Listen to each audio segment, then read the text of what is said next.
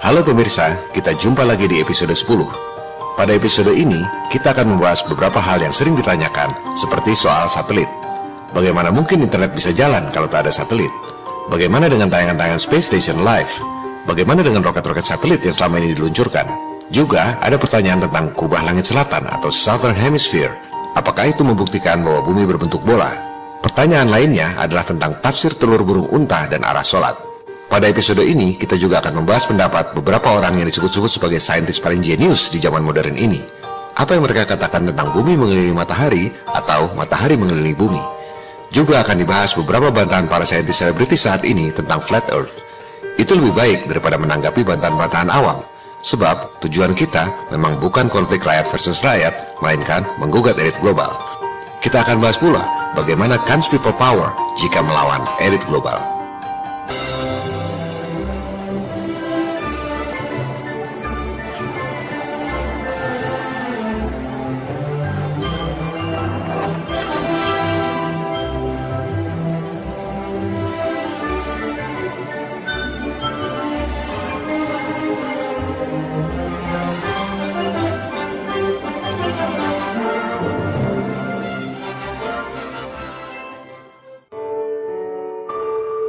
Kerangka pikir dari bangkitnya kesadaran flat earth adalah sadar ada kebohongan, kemudian berusaha mencari kebenaran. Jadi, mulainya dari kesadaran adanya kebohongan dulu, bukan tiba-tiba ngarang teori baru. Ini adalah logical framework yang sangat penting, yang paling sering disalahpahami. Sadar ada kebohongan dulu, baru kemudian berusaha mencari kebenaran. Mencari, bukan mengklaim kebenaran. Ini sangat berbeda. Yang mengklaim kebenaran itu adalah NASA yang dibayar dari anggaran negara. Flat Earth mengklaim kebohongan NASA. Setelah itu, baru berusaha mencari kebenaran. Partisipasi aktif masyarakat, tak ada yang membiayai. Analoginya begini, Anda mengetahui ada tindak kejahatan atau penipuan. Anda harus laporkan itu. Jika Anda tidak laporkan, dalam dunia internasional disebut obstruction of justice. Di Indonesia, diatur dalam KUH pidana pasal 165 disebut sebagai pemufakatan jahat, conspiracy of silence. Kewajiban Anda untuk lapor kejahatan atau penipuan tidak berarti Anda harus berikan solusi mengganti kerugian sehingga sang korban merasa puas. Orang yang laporkan kejahatan atau penipuan malah disalahkan karena tidak bisa kasih solusi ganti rugi yang memuaskan sang korban. Itu adalah logika yang terbalik. Jadi, kebohongannya dulu yang harus dipahami dan diyakini betul, baru kemudian berusaha mencari kebenaran, bukan kewajiban apalagi kewajiban untuk memuaskan pertanyaan orang yang tidak percaya bahwa ia telah dibohongi. Seperti yang dikatakan oleh penulis Mark Twain, lebih mudah menipu orang daripada meyakinkan orang bahwa dirinya telah ditipu. Kita adalah rakyat, bukan institusi yang dibayar 256 triliun rupiah per tahun untuk melakukan riset seperti NASA. Kita adalah rakyat yang membongkar kebohongan, bukan saintis seperti Darwin yang mengajukan teori evolusi dan harus memuaskan pertanyaan tiap orang. Itu adalah logika yang keliru. Jangan berharap semua orang akan percaya. Sasarannya memang bukan meyakinkan 90% penduduk dunia tentang teori flat earth. Orang-orang yang masih percaya pada elit global, ya sudah, tak perlu diyakinkan. Itu hak mereka. Dan sasarannya memang bukan orang-orang seperti mereka. Banyak orang salah paham tentang bangkitnya kesadaran flat earth. Sudah banyak bukti berupa foto-foto bumi, kok hari ini masih ada yang percaya bumi datar? Pertanyaan yang wajar mengingat kebanyakan orang tak bisa membedakan antara foto dengan CGI alias gambar rekayasa komputer. Dan gambar rekayasa komputer buatan NASA itu adalah bohong. Mari kita buktikan. Silakan Anda search foto bumi bola yang katanya diambil oleh NASA dari Apollo 15 tahun 1971. Ini adalah salah satu dari foto bumi yang pertama kali dipotret dari luar angkasa, diambil dari web resmi NASA. Coba Anda download fotonya masukkan dalam Photoshop. Lakukan hal yang sangat sederhana. Adjust kontras dan brightnessnya. Kecilkan kontrasnya, besarkan brightnessnya. Wow, coba Anda menilai sendiri. Ini foto apa rekayasa komputer? Kok ada croppingnya? Ambil foto lain lagi. Bumi yang katanya dipotret dari Apollo 16 tahun 1972. Lakukan hal yang sama, sangat sederhana. Kecilkan kontrasnya, besarkan brightnessnya. Wow, ini kan cropping. Jadi ini foto atau gambar? Silakan Anda menilai sendiri. Lihat, bentuk bolanya saja beda-beda. Ini foto saintifik, fakta. Untuk sebuah institusi dengan budget 256 triliun rupiah per tahun, NASA sangat ceroboh, korup. Lantas mungkin ada yang mengatakan, jika bumi ini datar, mana foto aslinya? Inilah logika yang terbalik. Sama juga kita memberitahu orang, hati-hati loh, itu emasnya palsu. Lantas orangnya marah dan bertanya balik, kalau ini palsu, mana emas asli saya? Sama dengan pantangan tadi, jika foto bumi NASA bohong, mana bukti foto bumi datar? Inilah logika yang terbalik. Yang dikasih budget 256 triliun rupiah itu siapa? Kita atau NASA? Dikasih tahu emasnya palsu, malah marah minta emas yang asli. Yang seperti itu tak perlu diladeni. Contoh lain lagi, ISS yang disiarkan secara live 24 jam oleh NASA. Banyak yang mengatakan bahwa Flat Earth bodoh tidak tahu ada tayangan ISS 24 jam. Mari kita lihat tayangannya. Jangan heran jika 90% orang percaya bahwa tayangan itu asli. Untuk tahu ada kebohongan, setidaknya ada dua hal yang diperlukan. Satu, otak intel, semacam detektif atau mendeteksi dan menganalisa. Tidak semua orang punya kualitas itu. Kebanyakan maunya serba jelas. Kalau NASA bohong, harus ada statement dari NASA bahwa mereka berbohong. Kalau ada pencuri, pencurinya harus ngaku. Ya nggak bakal ada penjahat yang tertangkap. Syarat kedua, open mind dan independent. Seperti orang mau meditasi, berdoa, atau sholat harus bisa mengosongkan pikiran. Kalau pikirannya sudah anti, gajah di pupuk mata juga nggak akan kelihatan. Oke, sekarang kita perhatikan video yang katanya dibuat oleh astronot ISS ini. Gunakan otak intel dan detektif Anda. Apa yang harus diperhatikan? Pertama, ketinggiannya. Di ketinggian berapa ISS itu? Katanya 400 km. Oke, kita lihat ada lengkungan bumi bola di situ. Katanya 12.742 km. Coba Anda bagi, Artinya, ketinggian ISS itu hanya 3,1 persen. Coba kita simulasi. Ini lengkungan buminya. Berarti lingkaran buminya segini. Kalau itu diameternya 12.742 km, 3,1 persen atau 400 km, skalanya segini. Ini presisi dengan menggunakan komputer. Mana mungkin bisa lihat lengkungan bumi seperti itu? The space station is right about there. Oh, okay, Right that there. close. Wow. We're not good at this game.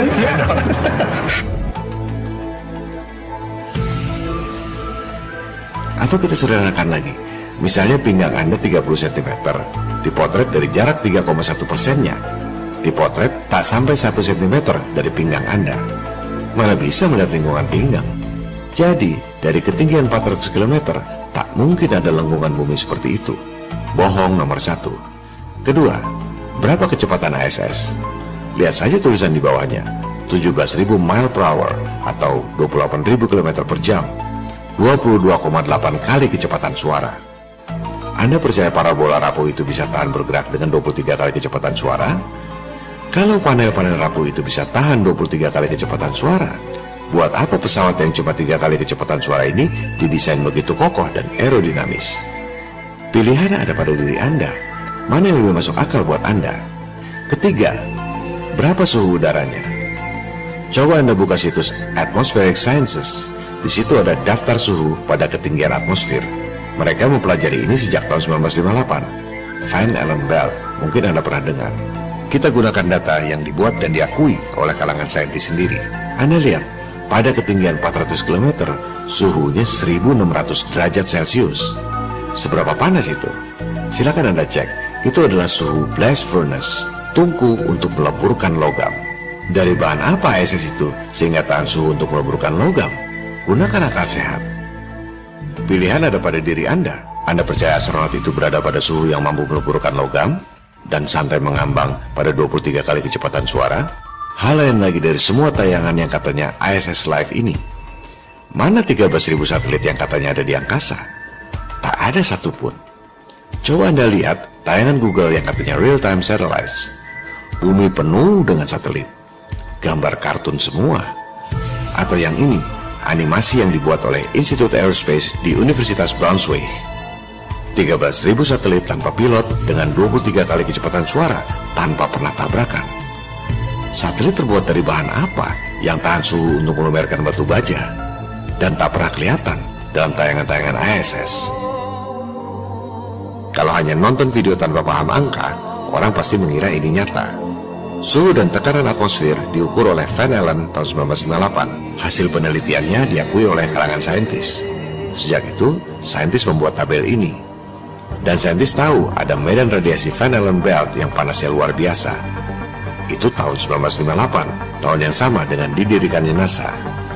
Setelah itu, NASA pura-pura tidak tahu ada Van Allen Belt dan enam kali mengirim manusia ke bulan. Keenam misi Apollo itu hanya ada pada periode satu presiden yang dikenal penuh skandal, Richard Nixon. Here's like a perfect example of them landing on the moon. I mean, it's proof right there. This is an official NASA photo of the first Apollo 11 lunar module landing on the moon. I mean, it's right there. This is proof, man. It's the picture's right there. It's landing on the moon. But the only problem I have with this picture is that it's taken from the moon.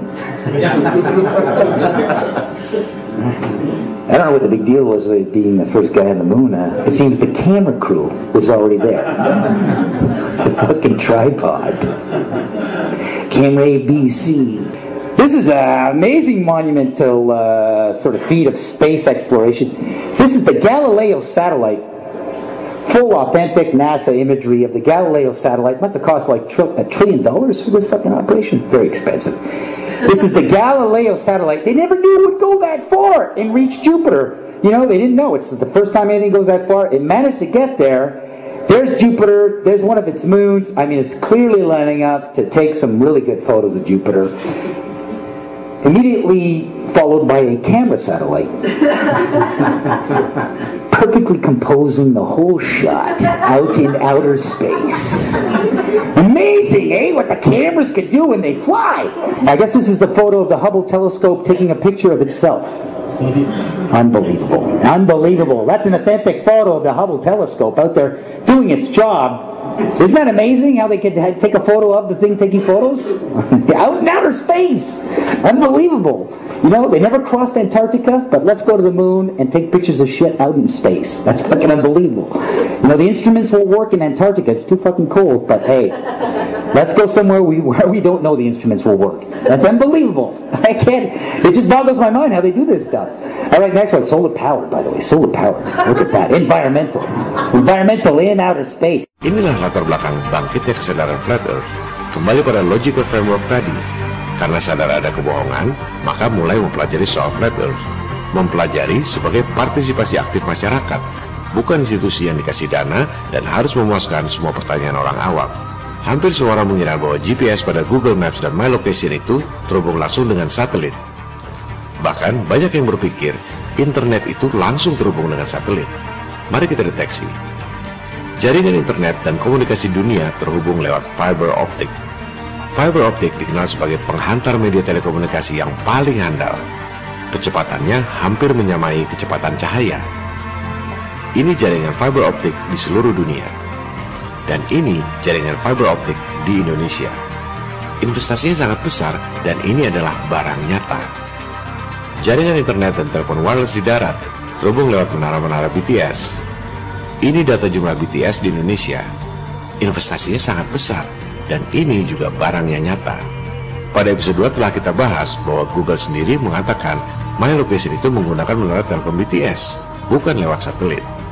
Sebaliknya, jika ada 13.000 satelit di angkasa, bagaimana mungkin bisa mengantar Gojek ke ganggang sempit? Sementara pesawat Malaysia MH370 yang begitu besar tidak terlacak jatuhnya di mana sampai sekarang. Untuk daerah-daerah yang tidak ada menara BTS, dari tahun 1955 sudah ada teknologi White Alice. Memantulkan sinyal ke atmosfer, dipantulkan kembali oleh atmosfer, tiba di lokasi yang dituju. Bisa sampai 320 km. Kalau dari Jakarta, bisa sampai ke Pulau Belitung.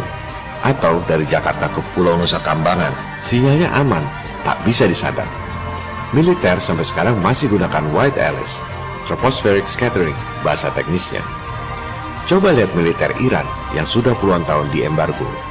Mereka tak bisa beli pesawat terbang, apalagi satelit. Apa yang mereka lakukan? White Alice, no problem. Bagaimana dengan sistem navigasi pesawat udara di tengah laut? Pada episode 2 telah dijelaskan tentang Omega System. Manusia sudah mengalami dua kali perang dunia, terbang melintasi benua tanpa satelit. Bagaimana mungkin Jepang menyerang Pearl Harbor, tahu persis titik koordinatnya di mana? Bisa dilacak dengan radar. Padahal tahun 1945 tak ada satelit. gunakan nalar Anda. Silakan Anda search Omega Navigation System di Google atau YouTube. Anda akan melihat sendiri video militer orisinil yang dibuat pada akhir tahun 1960-an tentang bagaimana network di seluruh dunia dapat terjalin hanya dengan 8 tower utama. Juga, Anda akan menemukan bagaimana simulasi penerbangan menggunakan Omega Navigation System. Tak ada hubungannya dengan satelit.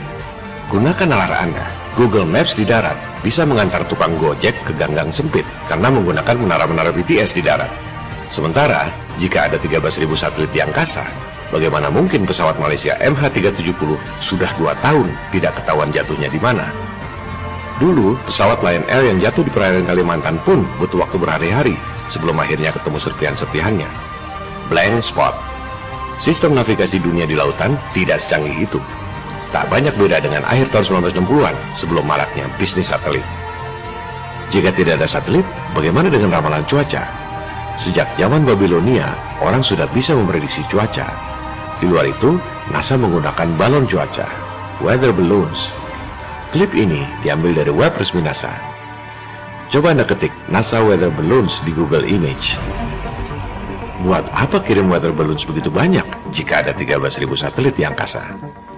Kesimpulannya, satu, ada jaringan fiber optik yang menghubungkan seluruh dunia, baik lewat laut maupun darat. Dua, ada jaringan menara BTS yang menghubungkan komunikasi darat. Tiga, ada teknologi White Alice yang bisa panturkan sinyal ke atmosfer tanpa satelit.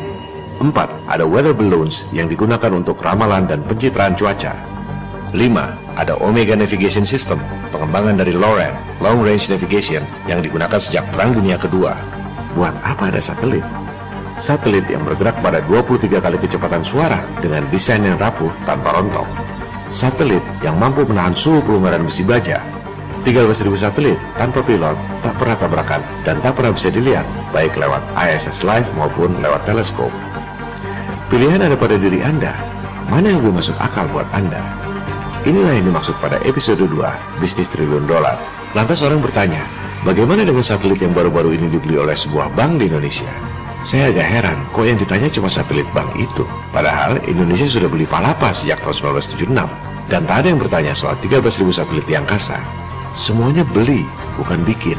Mereka semuanya ikut sistem. Kok concernnya dengan bank yang beli satelit? Tak ada yang perlu dikhawatirkan, karena semua pemilik, pendana, kontraktor, operator pasti untung. Hanya ada satu pihak yang dirugikan, yaitu Anda. Kita semua sebagai end user karena semua biaya dibebankan pada pengguna. Inilah kehebatan sistem yang zolim, menguntungkan segelintir orang dengan merugikan umat manusia lain di dunia. Mari kita bedah bisnis satelit ini. Omsetnya 4.200 ribu triliun rupiah per tahun. Cukup untuk beli Bank Indonesia dua buah tanpa utang. Biaya sewa satelit 500 miliar rupiah per tahun. Plus biaya operasional, bunga bank, pajak, dan keuntungan anggap saja 40 persen si provider harus cari income minimal 700 miliar rupiah per tahun. Dibagi 12 bulan, berarti harus cari income 58,3 miliar rupiah per bulan. Bagaimana cara memperoleh pendapatan 58,3 miliar rupiah per bulan? Mudah saja, bebankan pada konsumen. Jadi, Andalah yang menanggung beban 58,3 miliar rupiah per bulan itu. Jumlah yang sangat besar jika ditanggung sendirian. Tapi Anda tidak menanggungnya sendirian. Taruhlah ada 10 juta pelanggan operator telekomunikasi. Dibagi saja 58,3 miliar rupiah dengan 10 juta orang. Satu orang menanggung beban 5.830 rupiah per bulan. Tidak berasa bukan? Padahal uang 58,3 miliar rupiah per bulan jika digunakan untuk mengentaskan kemiskinan di wilayah masing-masing, negeri ini akan bertambah makmur. Tapi saat ini itu hanya mimpi uang 4.200 ribu triliun rupiah per tahun hasil bisnis satelit di seluruh dunia masuk ke kantong elit global yang sudah kaya raya. Biaya telekomunikasi harusnya tidak semahal ini. Anda bisa video call lewat Skype ke Amerika berjam-jam tiap hari tanpa pulsa. Anda bisa kirim message lewat WhatsApp, Viber, dan lain-lain tanpa pulsa. Modalnya hanya sambungan internet. Dan sebenarnya, Anda bisa video call lewat White Alice bahkan tanpa sambungan internet. Berapa banyak uang yang seharusnya bisa Anda simpan?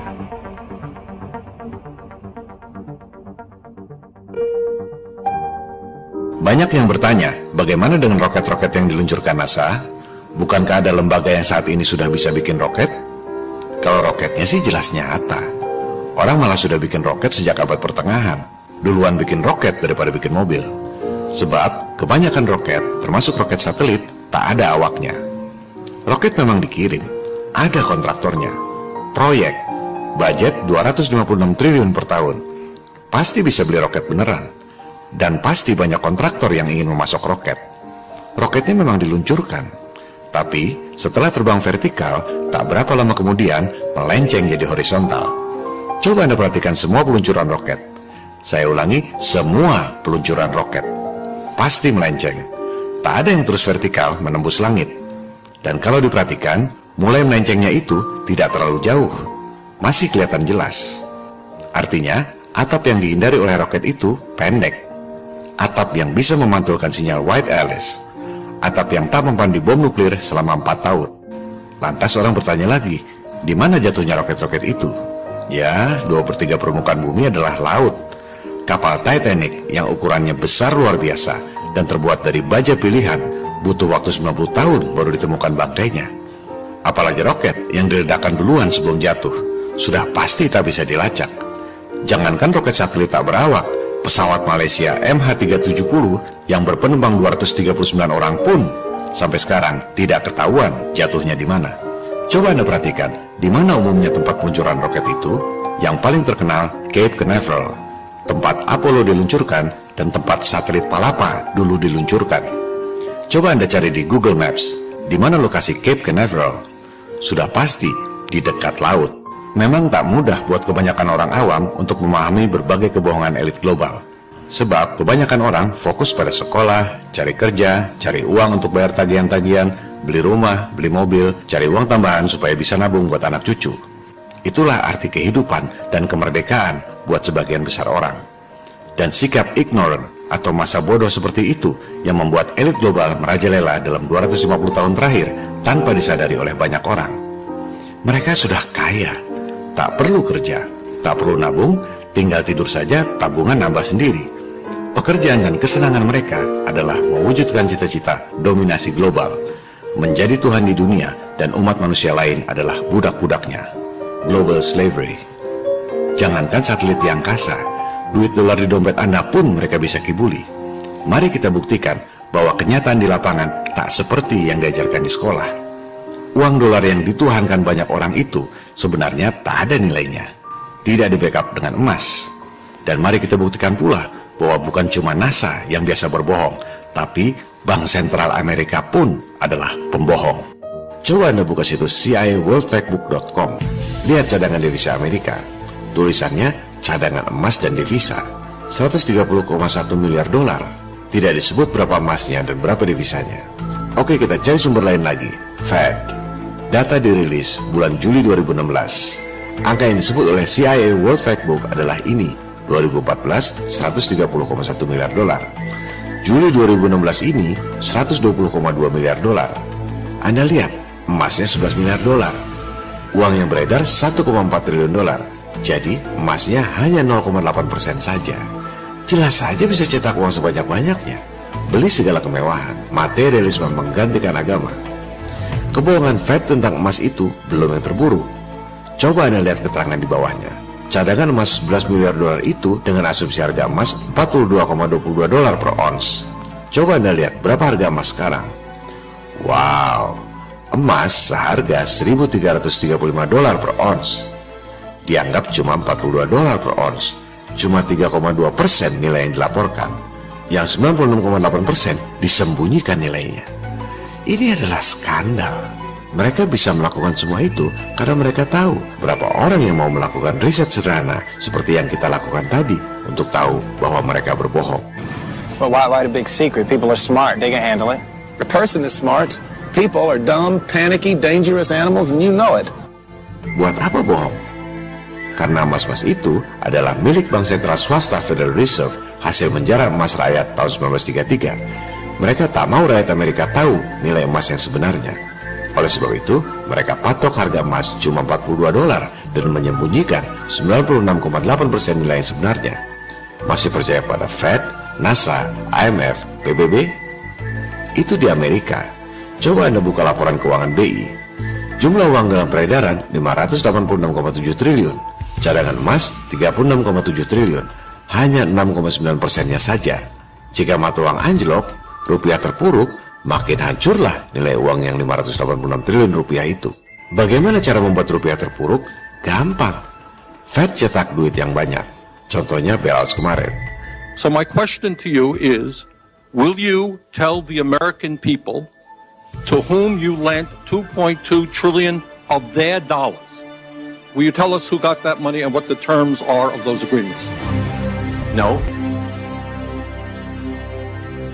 Dengan dolar yang banyak, elit global invest di negara-negara lain, termasuk Indonesia. Lempar pancing. Setelah itu, tarik pancingnya. Ketatkan likuiditas. Bikin stimulus di Amerika. Itu dolar balik semua ke Amerika. Akibatnya, negara-negara kekurangan dolar. Harga dolar jadi tinggi lagi. Rupiah kita makin anjlok. Gampang kan? Inilah sistem yang zolim. Sekali lagi, jangan salahkan pemerintah. Jangan salahkan pejabat bank. Jangan salahkan ekonom. Semua hanya ikut sistem.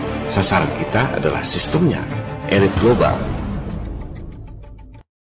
Semua hal ini berkaitan. Konspirasi keuangan, politik, militer dan intelijen, sains, dan lain-lain. World domination, New World Order. Bagaimana melawan itu semua? Mungkinkah kita lepas dari jeratan sistem yang begitu menggurita?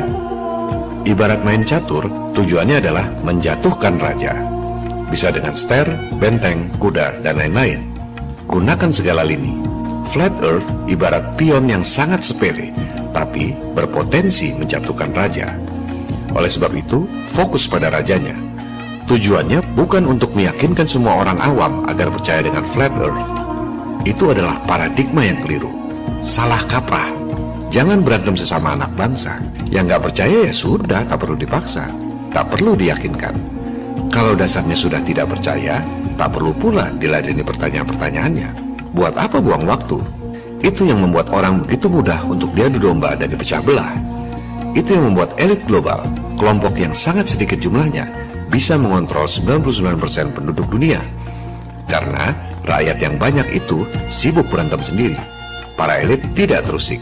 Saran saya, hindari perdebatan pro dan kontra soal flat earth. Kalau dari 10 orang, ada 8 orang yang tak setuju sambil marah-marah, ya biarkan saja. Itu hak mereka. Fokus pada dua orang yang hati dan pikirannya tergerak. Dari situ, bola akan bergulir sendiri. Yang digulirkan adalah kebohongan pada sistem yang ada dulu, bukan mempromosikan sistem yang baru. Kalau tidak rusak, buat apa diperbaiki? Jadi, kebohongannya dulu yang kita pertanyakan. Mereka yang harus membuktikan diri, bukan kita. Sebab mereka lah rejim penguasa sains, bukan kita. Kita adalah rakyat yang menggugat sistem yang zolim. Ibarat mahasiswa demo minta turun harga BBM misalnya. Lantas pejabatnya berkacak pinggang. Coba berikan konsep yang memuaskan saya. Buktikan bahwa harga BBM turun terus. Itu adalah logika yang keliru. Begitu pula dengan flat earth.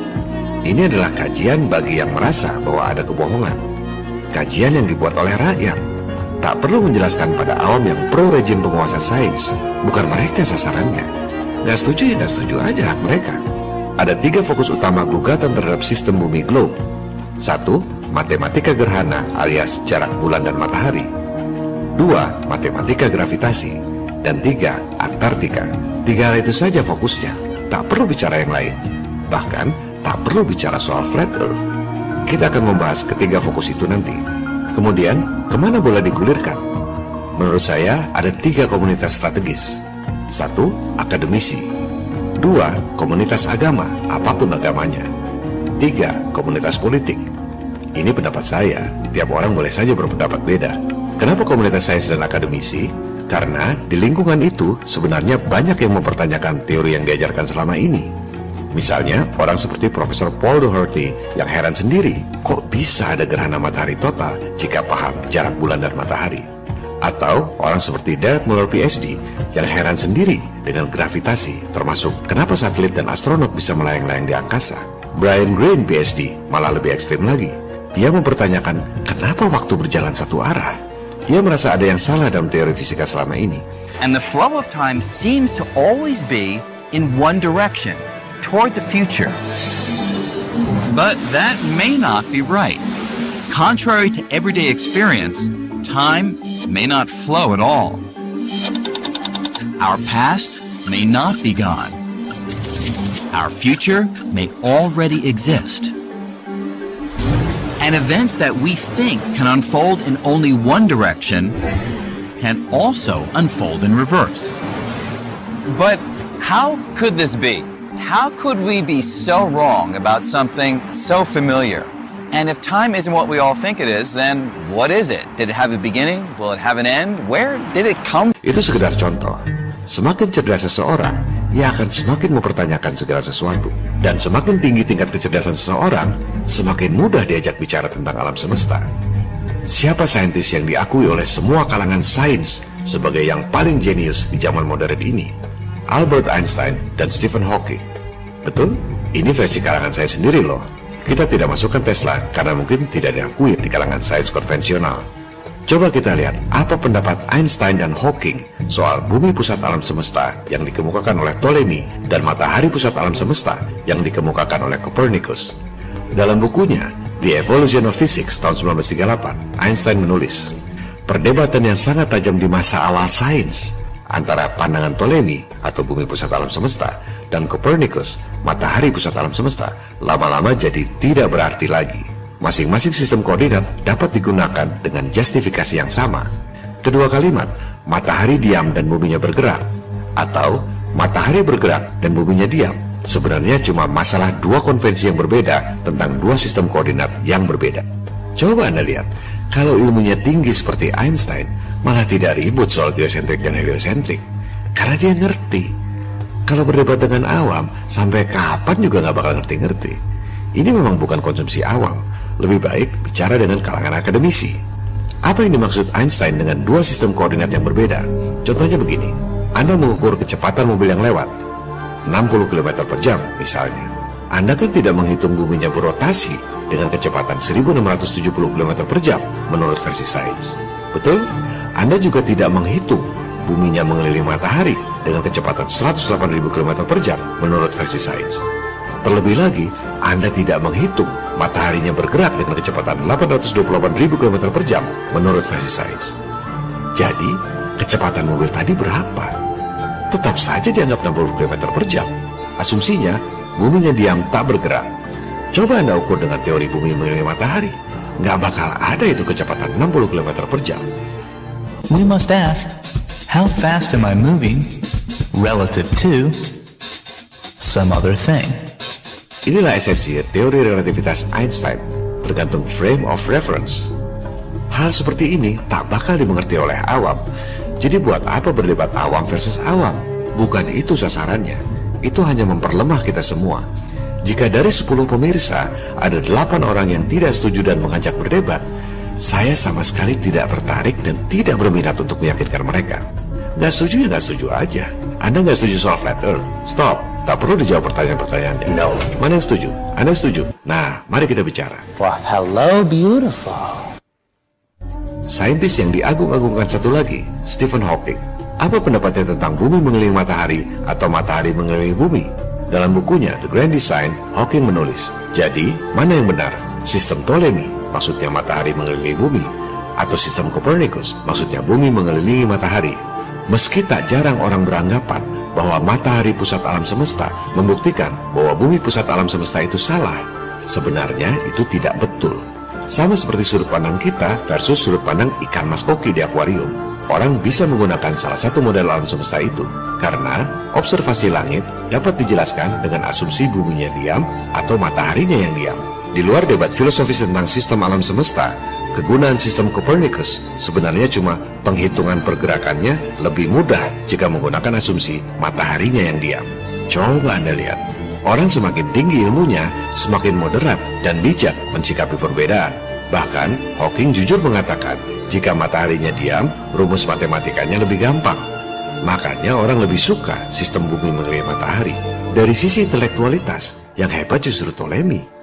Dia menghitung pergerakan planet-planet mengelilingi bumi, yang menurut Hawking tadi matematikanya lebih sulit, tapi lebih akurat. Hasilnya, pergerakan alam semesta mengelilingi bumi menghasilkan pola geometri suci, sacred geometry. Ini dibuat 1500 tahun sebelum Copernicus. Jadi, mana yang lebih canggih?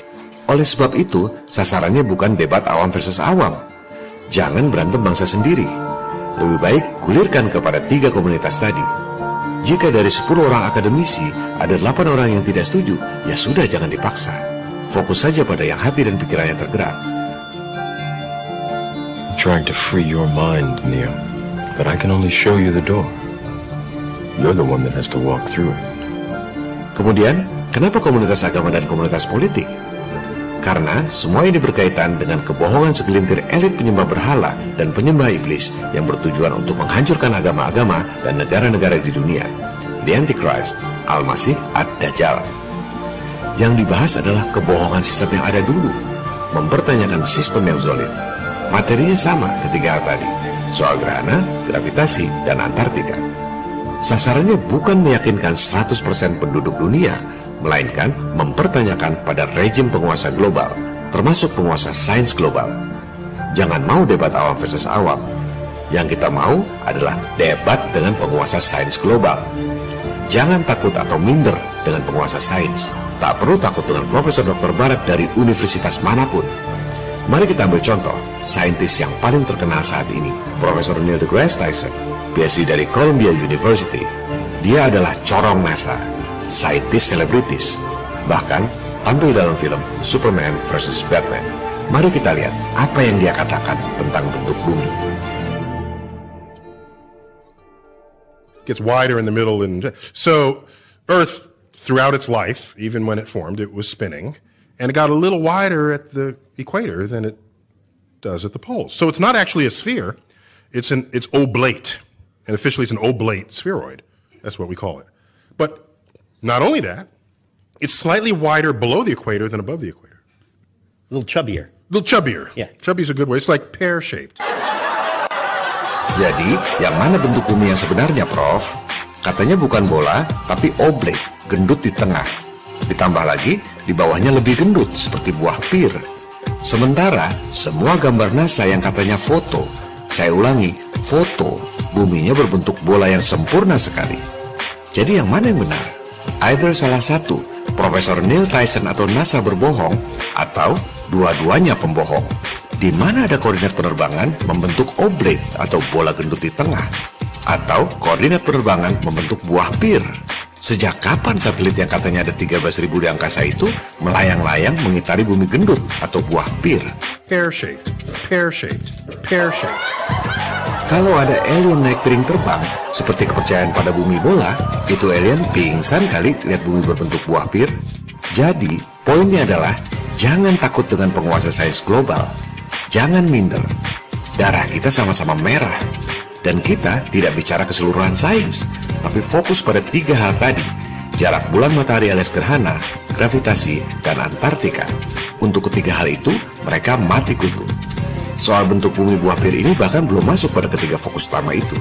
Sekarang, mari kita saksikan apa yang dikatakan oleh saintis top yang lain lagi.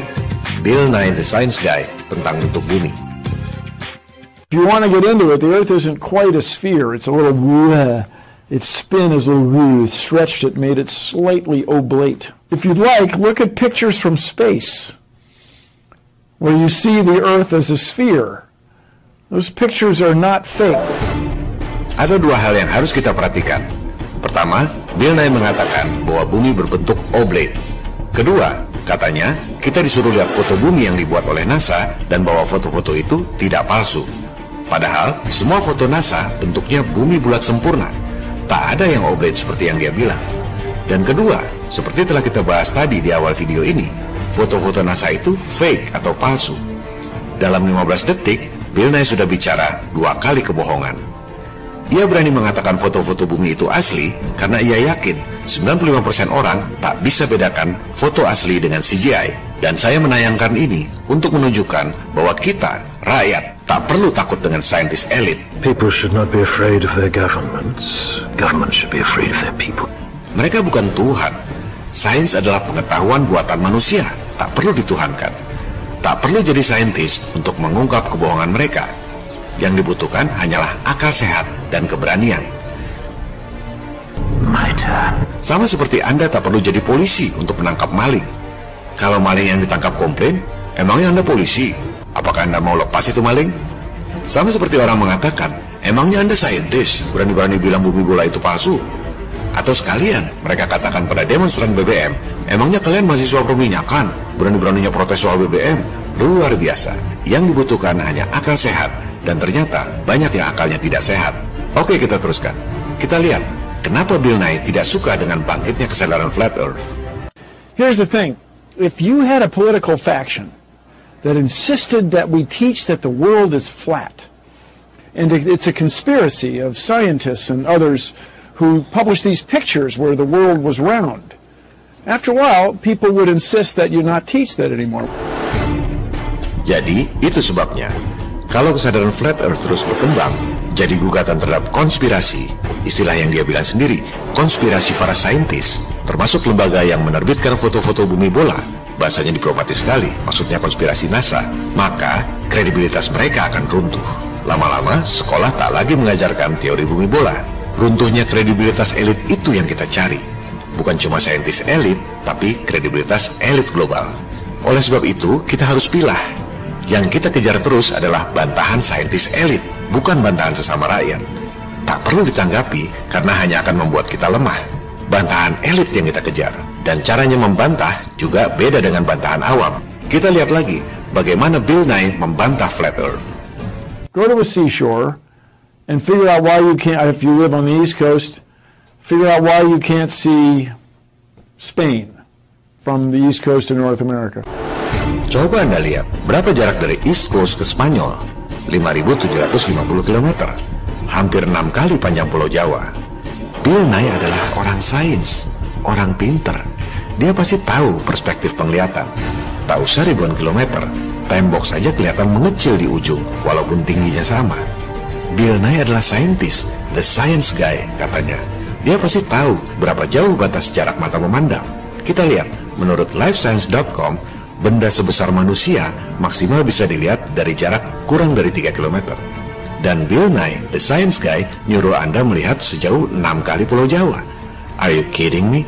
Inilah cara dia membantah flat earth. Lihat referensi lain lagi, harian Mail Online di Inggris. Berdasarkan penelitian, manusia bisa melihat cahaya lilin hanya sampai jarak 2,5 km. Bill Nye pasti tahu ini. Dia nyuruh Anda melihat dari New York ke Madrid, karena dia tahu Anda tidak tahu jaraknya 5.750 km. Dan dia yakin Anda tidak tahu bahwa batas pandang mata manusia cuma 3 km menurut lifescience.com. Kita teruskan bantahannya.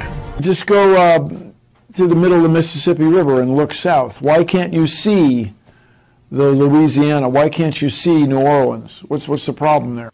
Coba kita lihat, jarak dari Mississippi ke Louisiana itu 286 km. Sama juga Anda disuruh melihat dari Jakarta ke Tasikmalaya. Ketutupan gedung kali, Bill sendiri yang menyebut kata konspirasi. Artinya, dia tahu bahwa kita tahu bahwa dia tahu bumi ini datar. Ini yang menarik. Oke, kita urai logika kalimatnya. Satu, dia tahu bahwa bumi ini datar. Dua, kita tahu bahwa dia tahu bumi ini datar. Tiga, dan dia tahu bahwa kita tahu bahwa dia tahu bumi ini datar. Makanya dia sebut kata konspirasi. Ini kita baru menanggapi pernyataan-pernyataan Neil Tyson dan Bill Nye. Baru appetizer makan sup, belum sampai ke hidangan utamanya. Tiga fokus utama kita, gerhana, gravitasi, dan Antartika. Jadi, sasaran kita adalah menggugat sistem bumi bola pada penguasa sains global, berdebat dengan saintis elit. Bukan meyakinkan 100% penduduk dunia agar percaya flat earth semua. Itu sebabnya saya tak pernah tanggapi berbagai bantahan. Buat apa ribut sesama rakyat? Nggak percaya ya silakan nggak percaya. Nggak penting sama sekali jika perorangan itu mau percaya bumi ini bentuknya apa. Baru jadi penting jika menjadi pergerakan sosial, people power. Namun, ada banyak request dari para pemirsa kepada saya untuk menjelaskan tentang bintang selatan. Saya sudah bikin video penjelasannya pada episode ini, tapi baru setengah jalan sudah kepanjangan.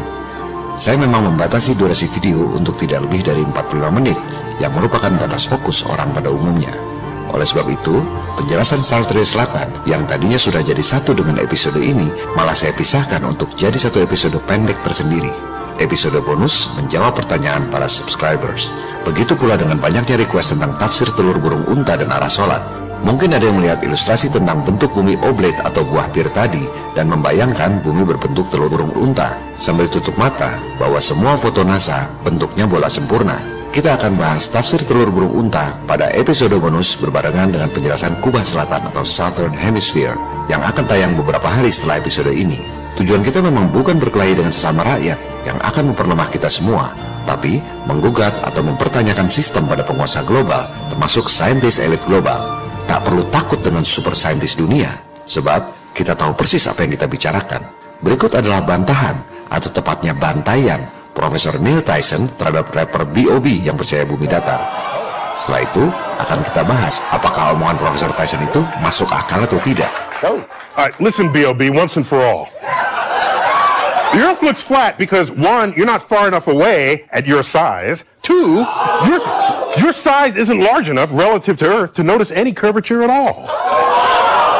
It's a fundamental fact of calculus and non-Euclidean geometry. Small sections of large curved surfaces will always look flat to little creatures that crawl upon it. But this, Sudahlah Prof, pakai sok bahasa keren non-Euclidean yang dia pikir bisa bikin rakyat minder. Itu hanya taktik untuk menjatuhkan mental bagi yang bermental tempe. Dia bilang bumi terlalu besar untuk melihat lengkungannya. Mari kita buktikan, dia ngomong jujur atau bohong. Orang seperti Profesor Neil Tyson pasti tahu rumus Pitagoras untuk menghitung lengkungan lingkaran, pelajaran anak SMP. Jika bumi jari-jarinya 6.371 km, maka berdasarkan rumus Pitagoras, tiap satu mil ada 8 inci atau 20 cm lengkungan bumi. Batas horizon mata telanjang Anda 4,7 km, berarti seharusnya ada 1,7 meter lengkungan bumi di ujung kiri dan kanan mata Anda. Jadi nggak perlu takut dengan saintis top kalau kita tahu persis apa yang kita bicarakan. Dan hal-hal seperti ini yang seharusnya digulirkan ke kalangan akademisi. Seperti yang dilakukan oleh Rob Skiba. Dia pura-pura nanya ke seorang profesor matematika di sebuah universitas, Pak, apakah rumus Pitagoras ini betul? Sang profesor melihat dan bilang, iya rumus itu betul. Tapi si profesor langsung mikir, jadi seharusnya kita bisa lihat ya lengkungan bumi itu. Nah, mulailah orang jadi sadar. Yang kita kritisi adalah saintis pembohong, seperti Neil Tyson dan Bill Nye ini. Lihat gaya Profesor Tyson bicara, membuli dan menghina, tapi tak pernah menjawab substansi masalah.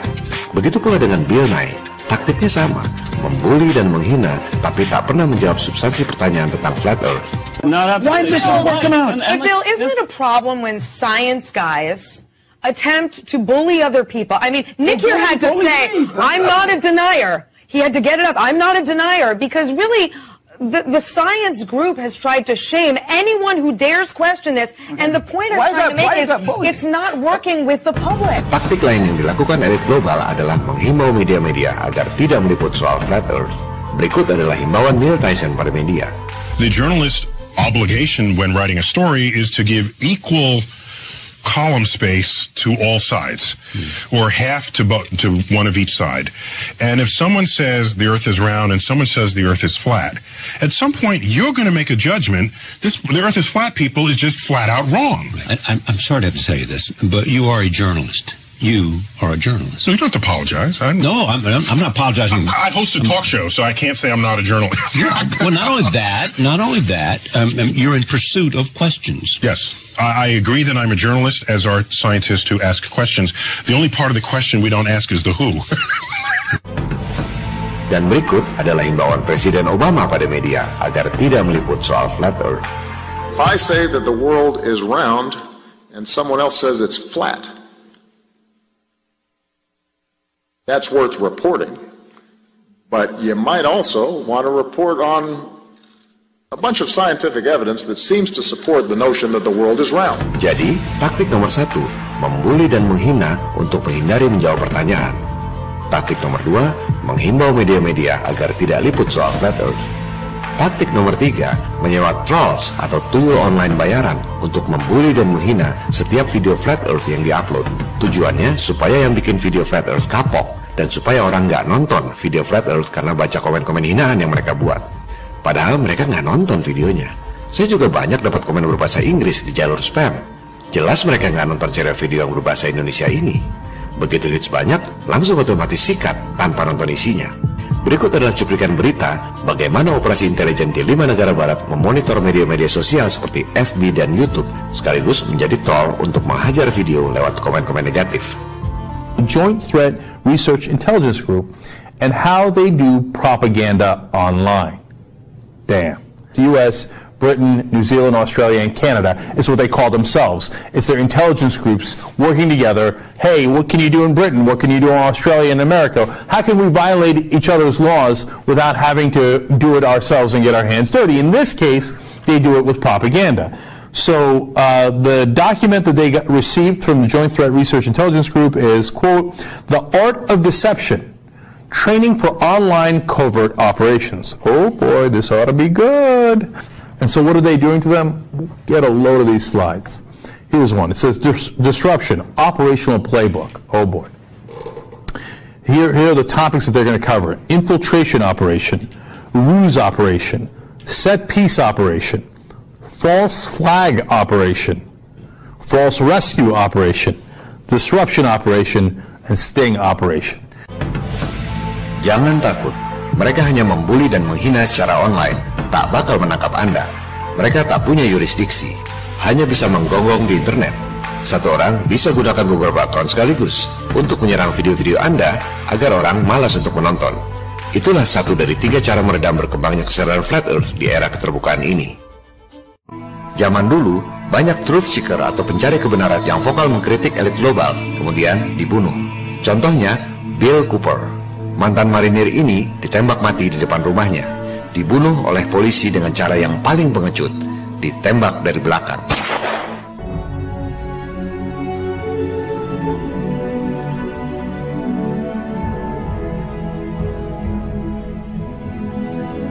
Atau Fritz Springmeier yang membongkar 13 keluarga Illuminati. Springmeier difitnah dan dimasukkan rumah sakit jiwa. Tak ada yang tahu di mana dia sekarang. Seiring dengan makin terbukanya informasi lewat media-media sosial, kritikan terhadap elit global tidak terbendung lagi. Mereka ganti taktik, tak lagi membunuh para aktivis seperti Bill Cooper yang kematiannya justru menjadikannya sebagai pahlawan di kalangan para pencari kebenaran.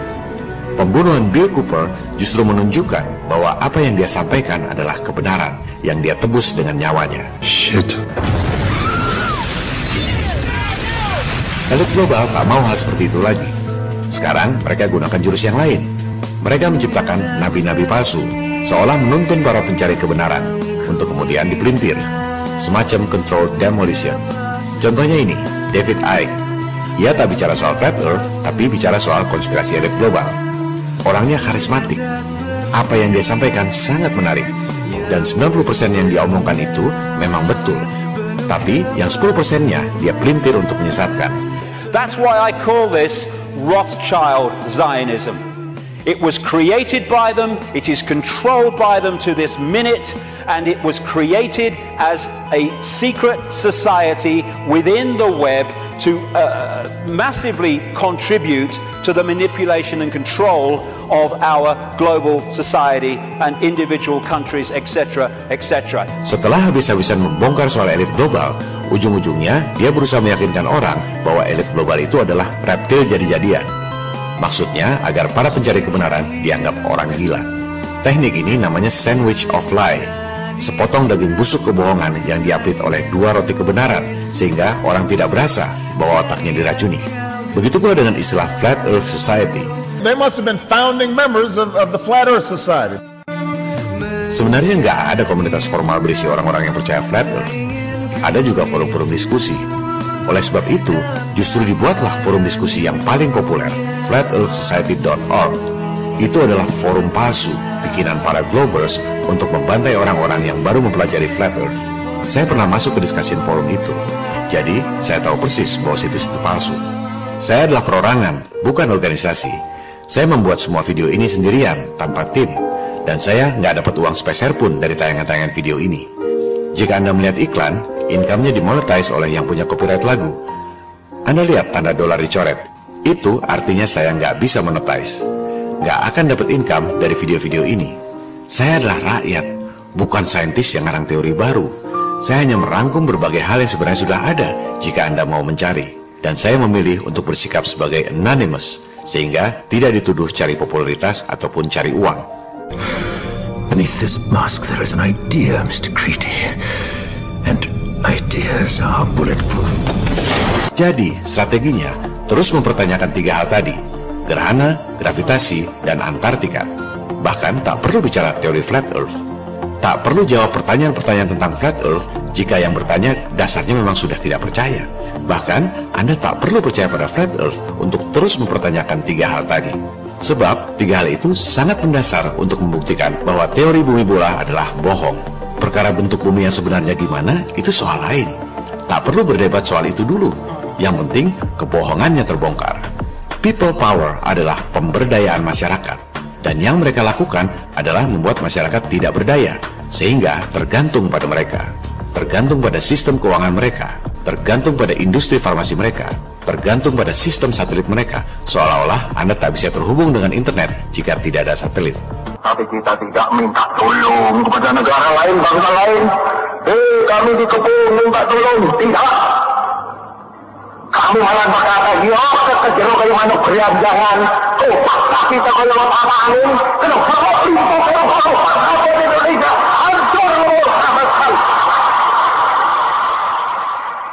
Oleh sebab itu, terus mempertanyakan tiga hal tadi.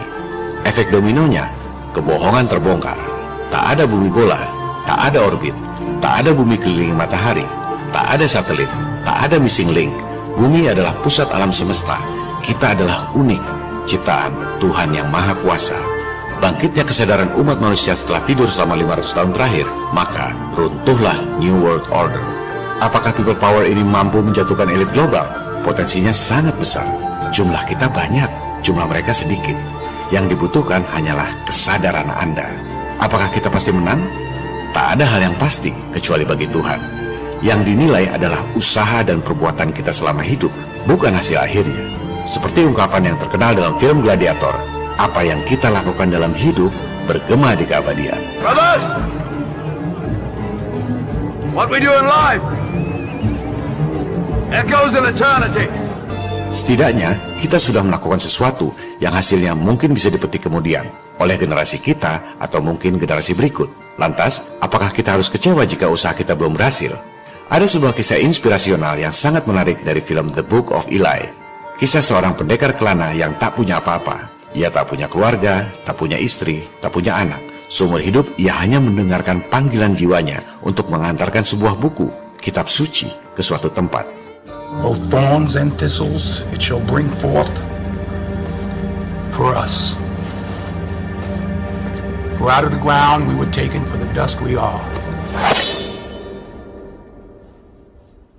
The dust we shall return.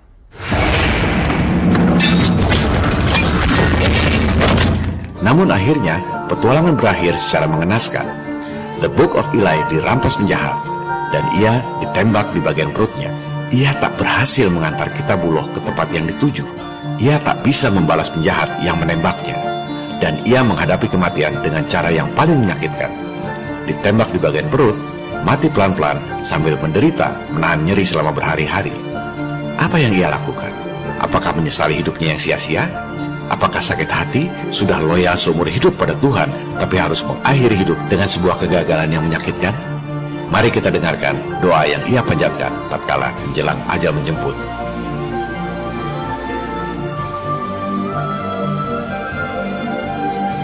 Lord, thank you for giving me the strength and the conviction to complete the task you entrusted to me. Thank you for guiding me straight and true through the many obstacles in my path.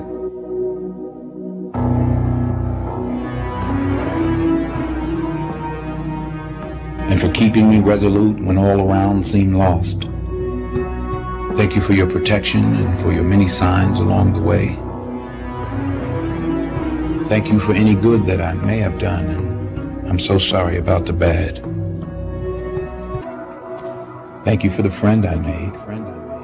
Please watch over her as you've watched over me.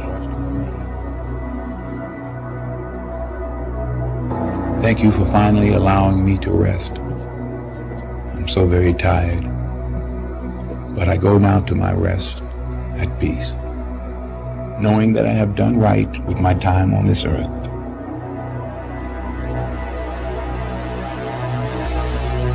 I fought the good fight. I finished the race. I kept the faith.